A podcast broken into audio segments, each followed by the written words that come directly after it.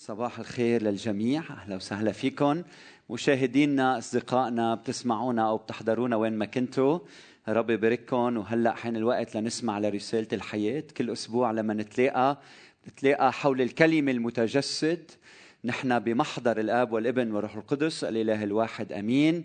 وهلأ حين الوقت لنسمع لرسالة الحياة. اليوم بنعمة الرب بدي أتكلم على موضوع كثير مهم وهو المشورة أو الإرشاد. الأسبوع الماضي حكيت عن الرعاية قلت نحن بهذا العيد بدنا نرعى بعضنا البعض نهتم ببعضنا البعض. فاليوم بدي أحكي عن الإرشاد وموضوع عظتي اليوم هل أنت مرشد لإخوتك؟ هل أنت مرشد لإخوتك؟ هل أنت مرشد لإخوتك؟ أخوتي في قول مشهور بقول الإنسان يحتاج إلى الإنسان ليصبح إنسان. والسبب هو إنه الإنسان لما الله خلقه خلقه إنسان اجتماعي. الإنسان مخلوق اجتماعي ولا يستطيع أن ينجح من دون الآخر، لا يستطيع أن ينمو من دون الآخر، لا يستطيع أن يبرع بالحياة من دون الآخر، ما فيك تستمر من دون الآخر. أهمية الآخر بحياتك شغلة كثير كبيرة لحتى تنجح مين ما كنت. بهالحياة، والكتاب المقدس بيتكلم الكثير عن مسألة الإرشاد. إذا هلأ بيجول ببالكم آيات في عدد كبير من الآيات يلي بتحكي عن أهمية الإرشاد. على سبيل المثال الحديد بالحديد يحدد والإنسان يحدد وجه صاحبه. يعني الإنسان بيبني الإنسان يصلح الآخر يؤثر على الآخر يرشد الآخر. أنت ترشد الآخر والآخر يرشدك. بنفس الإصحاح من من أمثال 27 بيقول أمينة هي جروح المحب وغاشة هي قبلات العدو. يعني الصديق بيقول للصديق الحقيقة حتى يبني صديقه مش حتى يحطمه ويدمره مش حتى انه هو بيعرف أكثر منه بس حتى يبنيه. ويساعده بعدين بأمثال 15 22 مقاصد بغير مشورة تبطل وبكثرة المشيرين تقوم. أعمال أمثال 13 20 المساير الحكماء يصير حكيما ورفيق الجهال يضر. عبرانيين 13 7 اذكروا مرشديكم الذين كلموكم بكلمة الله. انظروا إلى نهاية سيرتهم فتمثلوا بإيمانهم. اذكروا مرشديكم. بعدين برومي 15 14 فأنا على ثقة يا إخوتي بأنكم ممتلئون خيرا وأنتم فائضون بالمعرفة قادرون أن تفتخروا على بعضكم بعضا. قادرون على أن ينصح بعضكم بعض. والكلام لكل الكنيسة لما بعدت موضوع عظتي للفريق ليحضروا حالهم لهالأسبوع ففي حدا قال لي آه هيدي الوعظة هي لرنا لأنه رنا مسؤوله عن الإرشاد. لا هيدي الوعظة لكلنا لأنه كلمه الرب بتقول ننصح بعضنا البعض نرشد بعضنا البعض كلنا بنساعد كلنا. بعدين فيليبي أربعة تسعة وما تعلمتموه وتسلمتموه وسمعتموه ورأيتموه في فهذا افعلوا وإله السلام يكون معكم. وطبعا المسيح كان عنده تلاميذ عيشوا معه شافوا حياته سمعوا كلامه صاروا يحكوا كلامه ويعيشوا حياته فيما بعد. فلما نحكي عن أهمية الإرشاد نحن عم نتناول موضوع كتابي بامتياز. وهيدي النقطة بدي شدد عليها بالبداية نحن عم نحكي عن موضوع كتابي بامتياز بحسب قلب قلب الله والسؤال هو ما هو الإرشاد؟ شو عم بقصد بالإرشاد؟ عم بقصد بالإرشاد هذا السؤال الأول هو مشاركة الحياة مع الآخر لحتى تساعد الغير والغير يساعدك مشاركة الحياة مع الآخر كيف؟ بالإصغاء كيف بطرح الأسئلة المناسبة بالمكان المناسب. كيف لما تجاوب عن السؤال كيف؟ لأنه المرشد بيساعدك بالكيف. أنت بتسمع كلنا بنعرف إنه أنا لازم أعيش بأمانة. طيب كيف بعيش بأمانة؟ المرشد بيساعدنا. آه لازم ربي اولادي تربية مسيحية صحيحة. طيب كيف؟ كلنا بنعرف شو لازم نعمل. السؤال كيف؟ فالكيف عمل المرشد إنه يساعدنا بالكيف. بيسأل الأسئلة المناسبة. بعدين مش بس بيسأل أسئلة المرشد عنده نصيحة يقدمها. عنده كلمة يوجهها للآخر. عنده تعليم عنده توجيه عنده تأنيب أحيانا إلهام أحيانا صلاة بيصليها من أجل الآخر. المرشد عنده اختباره مع الله. كل واحد منا عنده نصيحة يقدمها من خلال خبرته بهالعلاقة مع ربنا. عم بحكي عن الإرشاد المسيحي. قديش مهم بحياة الآخرين.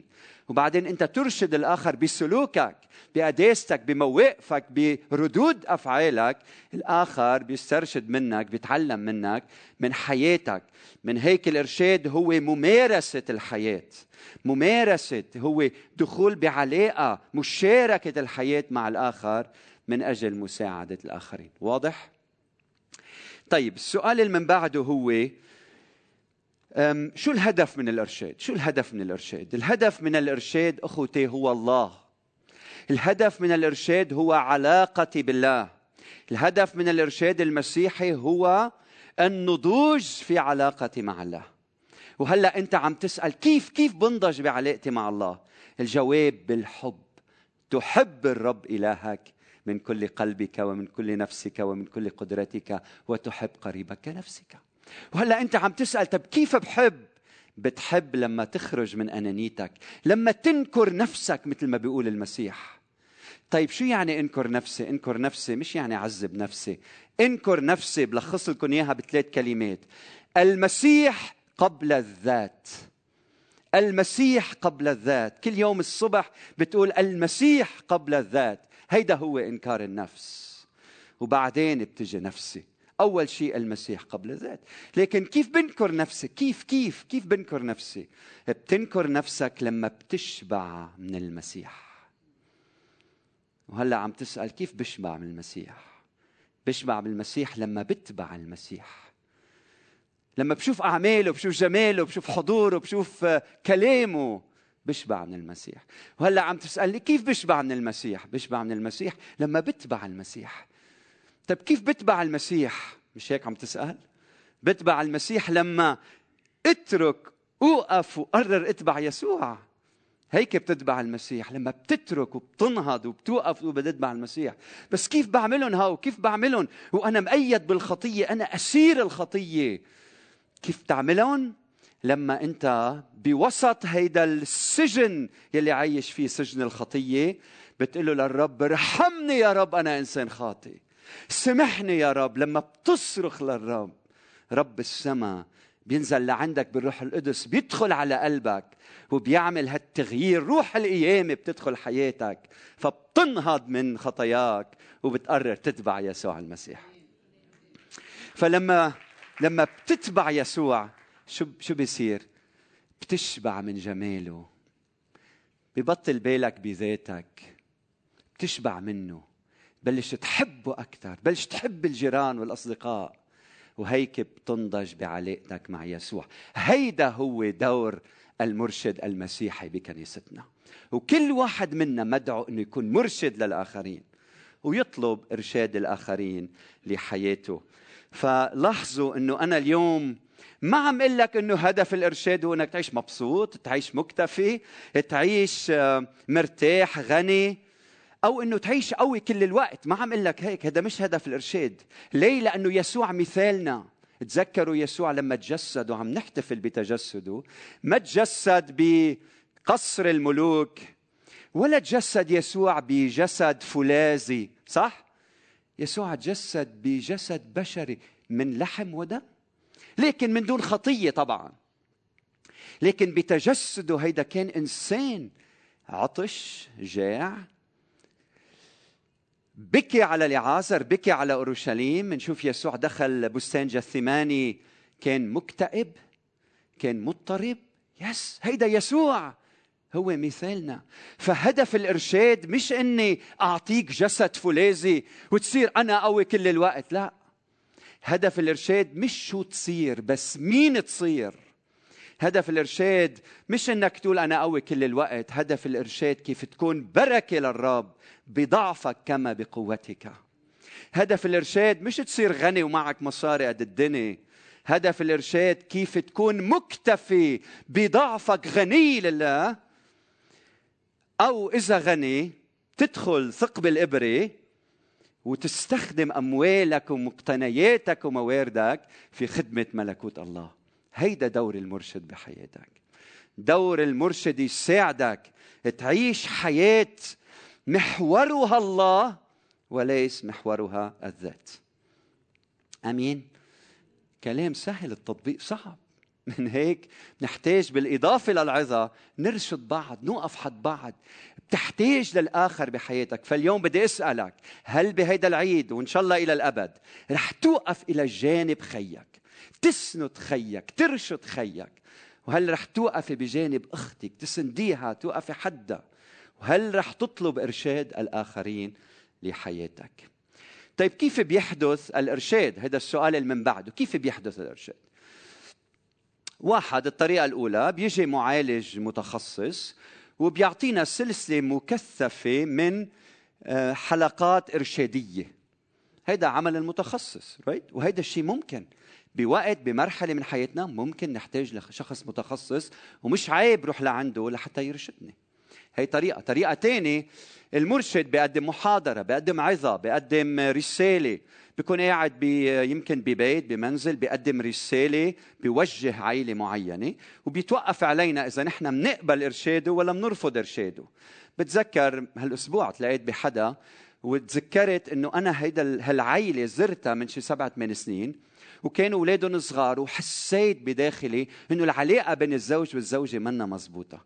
ما عم بيخصصوا وقت لبعضهم ما عم يهتموا ببعض في كتير سلبية ما في تشجيع ودعم. فقدمت لهم نصيحة. قلت لهم إذا أنتم ما بتهتموا ببعض وبتخصصوا وقت تقعدوا مع بعض في خطر على زواجكم. اليوم هن بالمحاكم عم بيطلقوا. سمعوا للإرشاد. لا عيشوا طبقوا اللي سمعوه لا. فممكن المرشد يقدم رسالة وهلأ البعض عم يسمع يمكن البعض الآخر عم بقول أنا هذا كله ما بيهمني طريقة ثالثة للإرشاد هي اللي عم ركز عليها اليوم هي لما أنت بتشارك حياتك مع الآخر بتبني صداقة مع خيك وأختك. هادفة هدفها الإرشاد وصرنا نعرف شو هدف الإرشاد.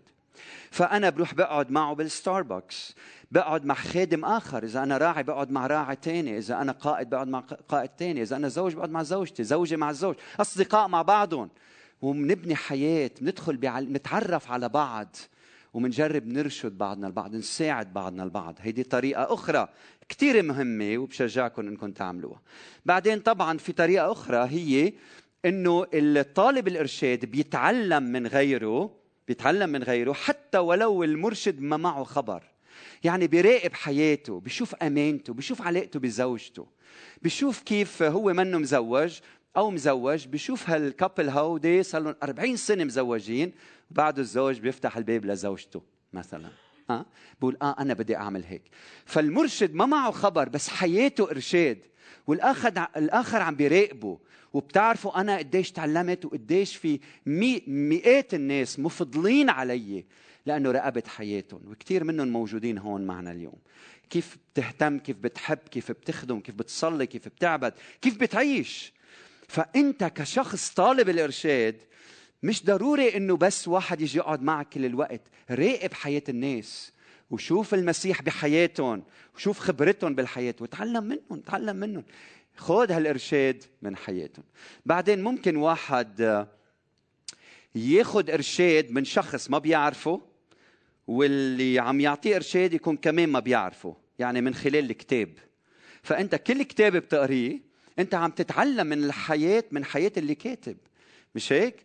وأنت عم تستفيد من خلال هذا الكتاب. فقديش مهم القراءة بحياتنا؟ بقول الشاعر أنا من بدل بالكتب الصحابة.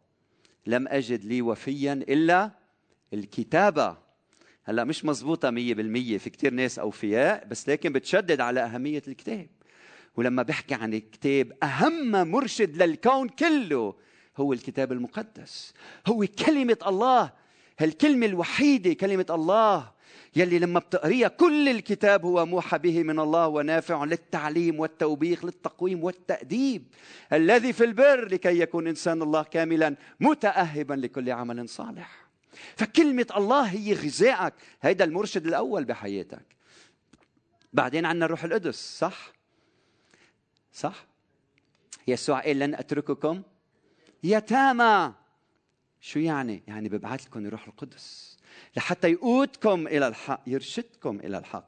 فعنا روح القدس عنا كلمة الله عنا الكنيسة عنا المؤمنين عنا الكتب عنا أمور عديدة بين إيدينا تقودنا لحتى ما نعيش لوحدنا. والسؤال المهم هلأ السؤال يلي بيعني لي كثير اليوم هو ليش ما بنطلب الإرشاد؟ ليش عنا هالضعف هيدا ما بنكون مرشدين لغيرنا وخصوصا إنه بنعيش حياتنا ما بنطلب الإرشاد من الآخرين. لماذا؟ وبرأيي الجواب مرتكز على سقافة مزدوجة بدي أحكي عنها. بدي أدخل شوي بالعمق وإن شاء الله بتكون واضحة وبتفيدنا بآخر العظة. وسميت أول سقافة هي سقافة جيمس بوند.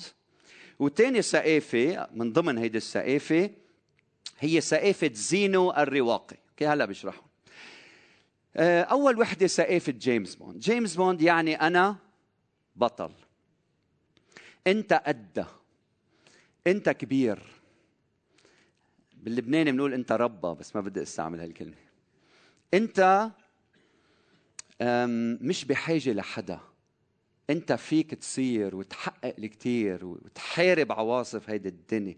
أنت القصة كلها. هيدي السقافة ربيانين عليها بهذا الشرق نحن متأثرين بأشعار هومر الإغريقي يلي بيقول بيحكي عن الشهامة عدم الاستسلام البطولة الثقة بالنفس التغلب على العواصف والأمواج.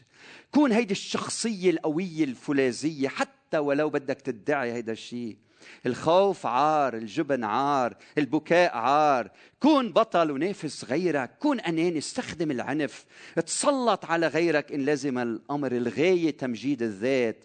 وشوف شوفوا قديشو كبير قديشو مهم.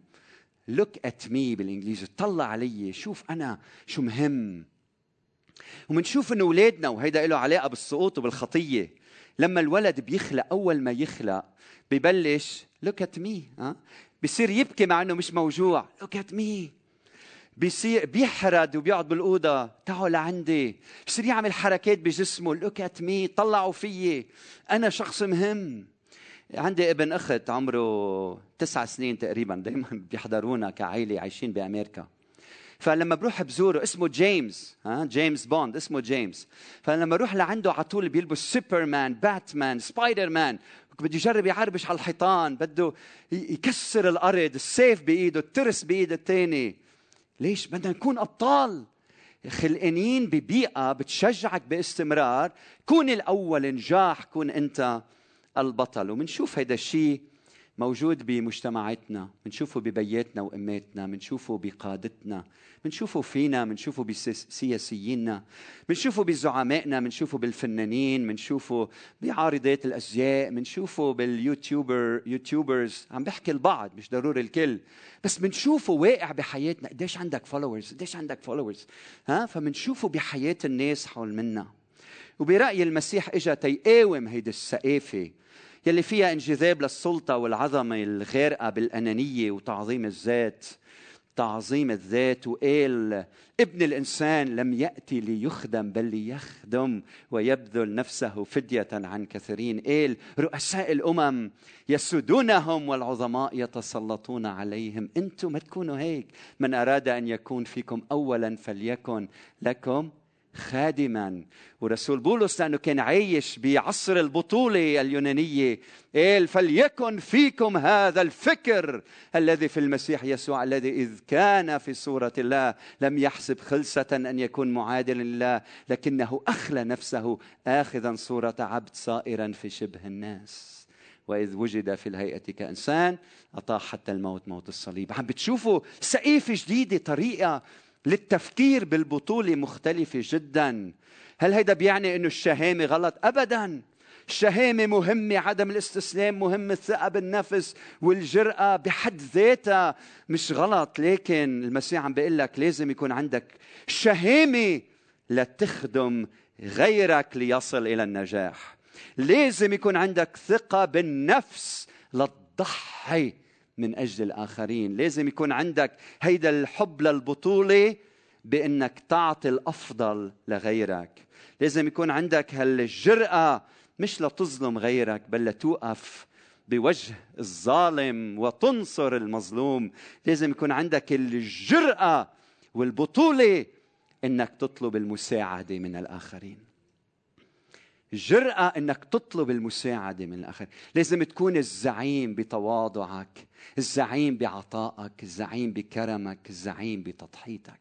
فإجا المسيح غير المقاييس كلها قلبها بتعليمه. من أجل ذلك عمل المرشد بالإنجليزي بنقول to undo unlearn.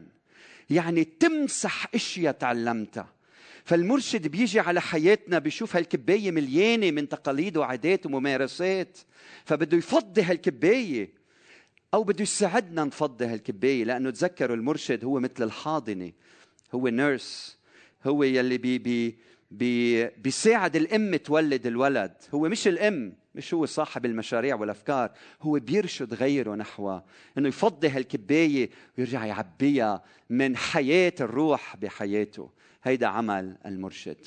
المصيبة الثانية هي تأثيرنا بثقافة زينو الرواقي وما عم صعب عليكم بس المقصود فيها هيدي فلسفة قديمة رواقية موجودة كانت بأيام المسيح وبتركز على الفضيلة تركيزها على شيء كتير مهم هو أنه نعيش الفضيلة بحياتنا.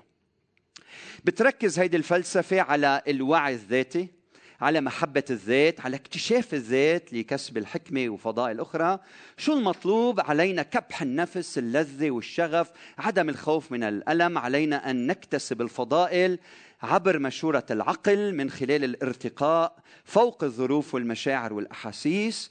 فهيدي الفلسفة يلي بهمها الفضائل اسمعوا منيح هلأ مشكلتها إنه بتركز على الاتكال على الذات لحتى أعيش أخلاق عالية. فأنا أستطيع أن أكون كويس. أنا قادر أخلص بأعمالي. أنا بقدر أكون منيح. إذا فحصت ذاتي إذا اشتغلت على حالي. أما بولس قاوم هيدي الفلسفة. انتبهوا يمكن فيها شيء مهم بس قاوم هالفلسفة هلا بقول كيف. وقال إذا بدكم هودي الفضائل ما بتنالهم إذا كنت في ذاتك في نفسك شو قال بولس؟ هودي الفضائل بتنالهم إذا كنت في المسيح. الثمر يلي بدك إياه أيها الفيلسوف الثمر اللي بدك إياه ما رح يطلع ما رح يكون ثمر روحي ثمر نفسي. هودي شو هودي من وين بيجوا؟ هودي ثمر الروح القدس. فأنت مش باتكالك على ذاتك. أنت بتقدر تعطي هودي الثمار إنما باتكالك على الرب. الفرح يلي عم بتفتش عليه ما بتحصل عليه من نفسك. هيدا الفرح هو فرح من وين؟ افرحوا في الرب كل حين. وأقول أيضا افرحوا. هيدا فرح في المسيح هيدا فرح في الجماعة. هيدا الفرح مش لأنه أنا منيح وعم بعمل منيح. هيدا الفرح منه فالتشديد مش على قدرة الإنسان. انتبهوا بل على قدرة الله من خلال الإنسان. شفتوا الفرق؟ فهون التركيز التشديد على إنه الحق ما بلاقيه في ذاتي الحق بلاقيه في الله. وبدل ما أقول بدي أتحكم بعواطفي وبدي أوقف قدام المراية وأقول أنا قوي أنا أنا مشفي أنا منتعش أنا قديس أنا القصة كلها. وبدل ما أصلي يكون عم بحكي مع نفسي قدام المراية بدل من ما أعمل هيك المطلوب إنك تنشغل بالله كل الانشغال وتنظر في ذاته وتتكل على شخصه وتذوب في حبه فترى نفسك. انتبهوا كثير مهم إنك ترى نفسك. كثير مهم إنك تفحص نفسك. لكن ترى نفسك كما يراك الله مش كما ترى نفسك في المرآة. لأنه اللي عم بتشوفه بالمراية من ذاتك لذاتك عم تنغش. بتحتاج لله ها؟ وتشوف أنت نفسك من عينين ربنا من خلال من خلال الله. فهي اللي بنحتاج له اليوم مش الاتكال على الذات لتحقيق الذات. المسيح عم بيقول بدوني كمل الآية لا تقدرون أن تفعلوا شيء اثبتوا في وأنا فيكم. جرب كل العمر ما رح تزبط معك. لما بتستسلم وبتنكسر بتقول له يا رب أنا ما فيني دخيلك تعال على حياتي بتشوف كيف التغيير بيصير بحياتك. اليوم العالم منشغل كيف أنا بدي أكون منيح وحس منيح وأشعر منيح. كون أنا إله لنفسي. يسوع بيقلنا كلمة الله بتقلنا كون في المسيح. وشوف كيف حياتك كلها بتتغير. فسؤال آخر قبل ما ننتهي. هل نحن بنحتاج للإرشاد بشكل مستمر؟ شو بتقولوا؟ يس ليه؟ لأنه علاقتنا مع ربنا هي رحلة صح؟ وكلنا بنحتاج لهالعلاقة لأنه هالعلاقة منا جامدة هي مستمرة وكل واحد منا بيحتاج يكتشف أبعاد جديدة عن ربنا. أيام بتعرفه كديان بعدين بتكتشف إنه هو بي محب. أيام تحتاج تعرفه كخالق كبي كمنعم ك يحاسب كديان. كل هودي مع بعضهم بتصير أنت كل ما تدخل بعلاقة مع ربنا بتصير تعرفوا أكثر فأكثر. اسمعوني منيح أرجوكم. كل واحد منا بيحتاج للإرشاد. إياك تعيش وعم بحكي معكم كقاضي وخدام. أوعى تقول أنا لوحدي بقدر أعملها. أوعى تقول أنا مش بحت... مني بحاجة للكنيسة الأخرى. أوعى تقول أنا مش بحت... ما بحتاج لأخوتي. أنا مش بحاجة لأخوتي. أرجوكم اسمعوني منيح هي خطيرة جدا. بصير عندنا كبرياء بصير منفكر حالنا لوحدنا بنقدر نعمل الأمور. زواجك صدقني ما بينجح من دون إرشاد الكلمة إرشاد الآخرين لحياتك. قيادتك ما بتنجح لوحدك. ما في واحد لوحده بيقدر ينجح بالحياة. فكلنا بنحتاج لبعضنا البعض. السؤال الأخير هل يمكن لإلك أنك تكون مرشد للآخرين؟ نعم أنا بحتاج لإرشاد لكن هل أنا بقدر أرشد غيري؟ نعم أم لا؟ أكيد. قصتك ما في مثلها هي قصة فريدة بينك وبين ربنا.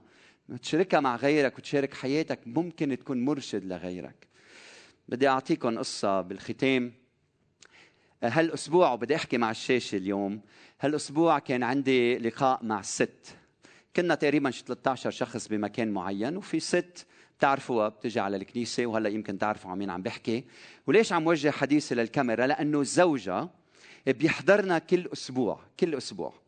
وزوجها مصاب بمرض اسمه بيصيب الجهاز العصبي اسمه ALS وهذا بيعني إنه هو بيوصل لمرحلة ما في يحرك ولا عضو من جسمه. فهو بيقدر يسمعني هلأ وعم يسمعني وبيقدر يشوفني هيدا كل شيء بيقدر يعمله. فهيدي الحالة الصعبة اللي وصل لها فكانت عم بتخبرني زوجته كنت عم بحكي مع زوجته. فقالت لي بدي لك شيء عن جان اسمه جان. قالت لي جان بشجعني دايما. بعيني بشجعني دايما. قالت لي أنا ما فيني أعيش من دونه لجان. ما بيقدر يتحرك ابدا إلا إنه بيقدر يسمع. عقله كامل بحس وبيقشع بس ما بيقدر يحرك ولا عضو من جسمه. قالت لي إيمانه لجان بشجعني. إيمانه قوي. لما بنتي لما بنتنا بتوصل على البيت هو بيهتم فيها بعينيه. بدمعته ببسمته بيهتم فيها. بتمتم أنجا بيطلع على ورقة فيها أحرف. فهو بيحضر الأكل مش هو بيحضره بس هو بيقول شو لازم ناكل. بيطلع على الأحرف وبيحدد الطبخة اللي بدنا ناكلها وفي حدا بيحضر الطبخة لإلنا. قلت لي جان سند البيت لإلنا. هو مشجعنا هو بيرشدنا هو بيوقف حدنا. هيدا جان. بدي هنيك يا جان. بدي لك أنت بطلنا يا جان. أنت بركة لحياتنا يا جان. إياك تقول أنا ما فيني أكون بركة لغيري. وارشد غيري واسند غيري وحب غيري. بهالعيد ربنا عم يدعيك تكون مرشد للآخرين.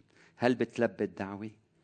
ربنا عم بيقول لك اطلب من غيرك يرشدك. هل عنا التواضع نلتفت إلى الآخر؟ ونقول له ساعدني. شو رأيكم نغمض عينينا بعد ما سمعنا لهالرسالة؟ آخ يا رب قديش منحتاج لهالكلمة اليوم؟ كخدام كرعاة كأشخاص كقادة كزعماء كأبطال ك مفكرين حالنا يا رب أمور عديدة. لكن بنقول لك يا رب اليوم نحن لا شيء من دونك. لا تقدرون أن تفعلوا شيء من دوني.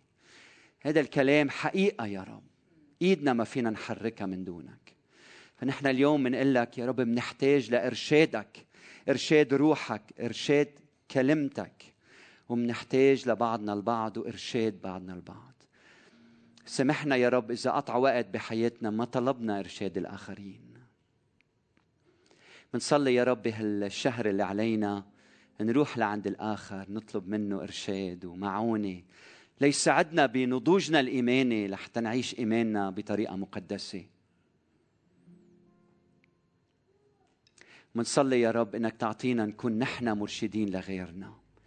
أعطينا هيدي النعمة عملك بحياتنا نظهر للآخرين. نسأل الأسئلة المناسبة نسمع بانتباه نهتم بحياة الآخر نهتم بمشاعر الآخرين وأحاسيسهم. ونوقف إلى جانبهم يا رب بموقف بكلمة بدمعة بلمسة بصلاة بإصغاء. لبنان العالم شرقنا بيحتاج لمرشدين. السياسيين بيحتاجوا لمرشدين. أصحاب المؤسسات الآباء والأمهات الأولاد والأطفال الرجال النساء. كلنا يا رب بنحتاج لنرشد بعضنا البعض. فأرجوك ثبت هالكلام بقلوبنا. منتابع صلاتنا بالترنيم والتسبيح. أرجوك خليك أنت بينك وبين الرب. خلي الرب يذكرك. خليه يحط حياتك قدامك. المواقف يلي فيها ما أخذت إرشاد من الآخرين الأماكن يلي كان فيك ترشد غيرك وتراجعت واستحيت. فخلي ربنا يفحصنا هلأ من خلال كلمته.